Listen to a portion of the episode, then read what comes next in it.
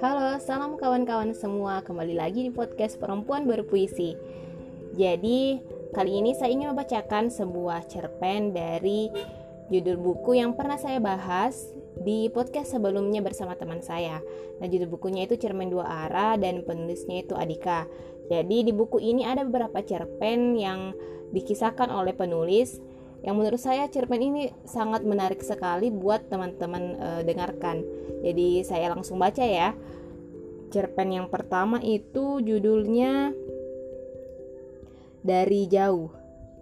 Oke, saya akan bacakan. Semoga teman-teman bisa terhibur dengan mendengarkan cerpen ini. Mungkin ada yang lagi suntuk, um, lagi suntuk hari-harinya, lagi tidak bersemangat dan butuh beberapa motivasi.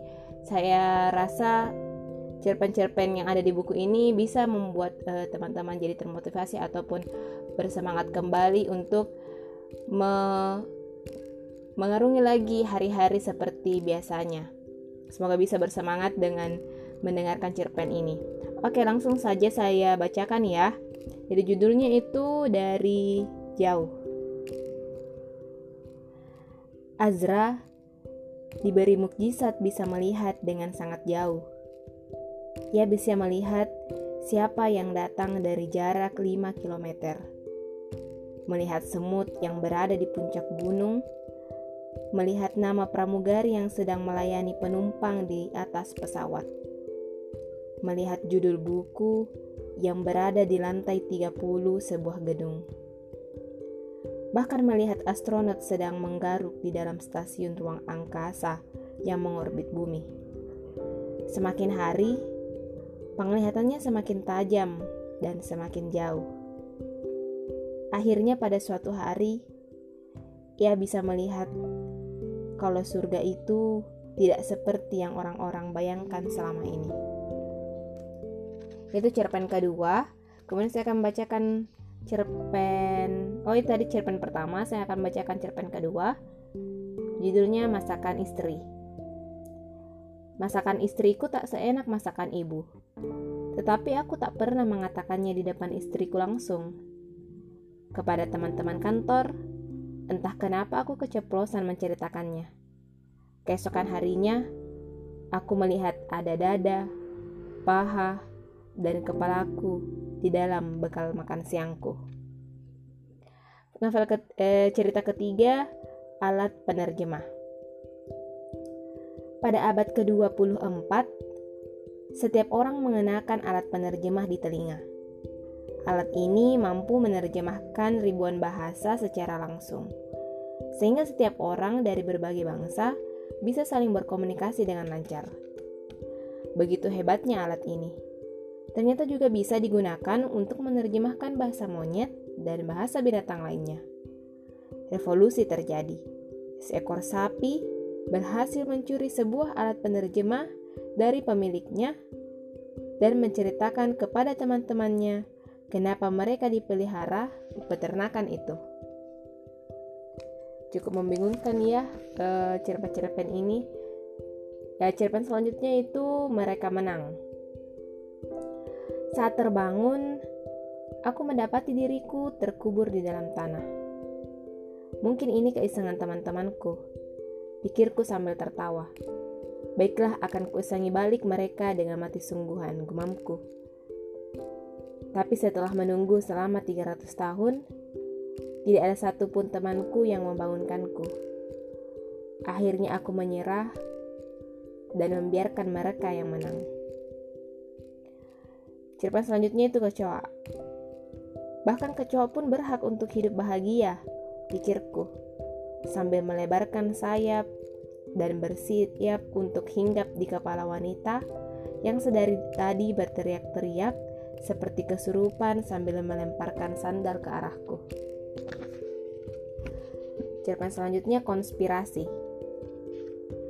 Astronot itu melayang-layang tanpa arah di ruang angkasa yang maha luas. Kabel yang menghubungkannya dengan pesawat luar angkasanya terputus. Radionya pun tak berfungsi lagi. Ia melayang semakin jauh dengan perasaan pasrah jika aku mati, setidaknya aku sudah bisa melihat dengan mata kepala sendiri kalau bumi itu bulat. Katanya pada diri sendiri. Tanpa disadari, ternyata radionya masih aktif dan perkataannya disiarkan langsung ke seluruh dunia. Para anggota Persatuan Bumi Datar yang mengirimnya keluar angkasa pun bergegas memutuskan sambungan radio. Cerpen selanjutnya itu berjudul Jalan Berliku. Jalan sempit yang sedang kulalui ini begitu panjang dan berliku-liku. Awalnya aku takut salah jalan, tetapi setahuku cuma inilah jalan satu-satunya yang harus kulalui. Setiap saat aku berharap bisa bertemu seseorang untuk bertanya, atau setidaknya untuk meyakinkan diriku bahwa ada orang lain yang juga melalui jalan ini. Tetapi sejak 33 menit yang lalu, aku tidak menemukan seorang pun untuk ditanyai. Di menit ke-60, aku masih saja belum menemukan ujung jalan ini dan memikirkan untuk kembali saja. Tetapi jika kembali, aku akan membutuhkan 60 menit juga, gumamku. Bukankah itu membuang-buang waktu? Bagaimana jika ujung jalan ini berakhir dalam satu menit ke depan? Tapi bagaimana jika ujung jalan ini malah akan berakhir dalam tiga hari? Aku tidak bisa dan tidak akan pernah tahu. Selama 500 tahun, aku duduk di situ, memikirkan jalan mana yang harus kuambil.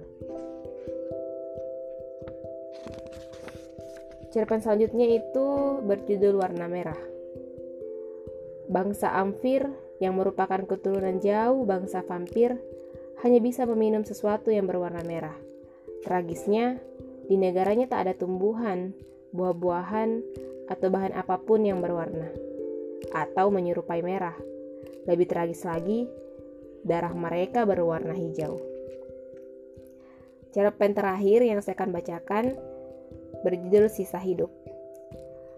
Ruangan gelap gulita itu hanya diterangi oleh cahaya redup dari layar ponsel yang menerangi wajah seorang wanita yang menatapnya tanpa berkedip. Hidupku tinggal 4%. Pikirnya dengan begitu sedih. Oke, itu cerpen yang saya bacakan kali ini.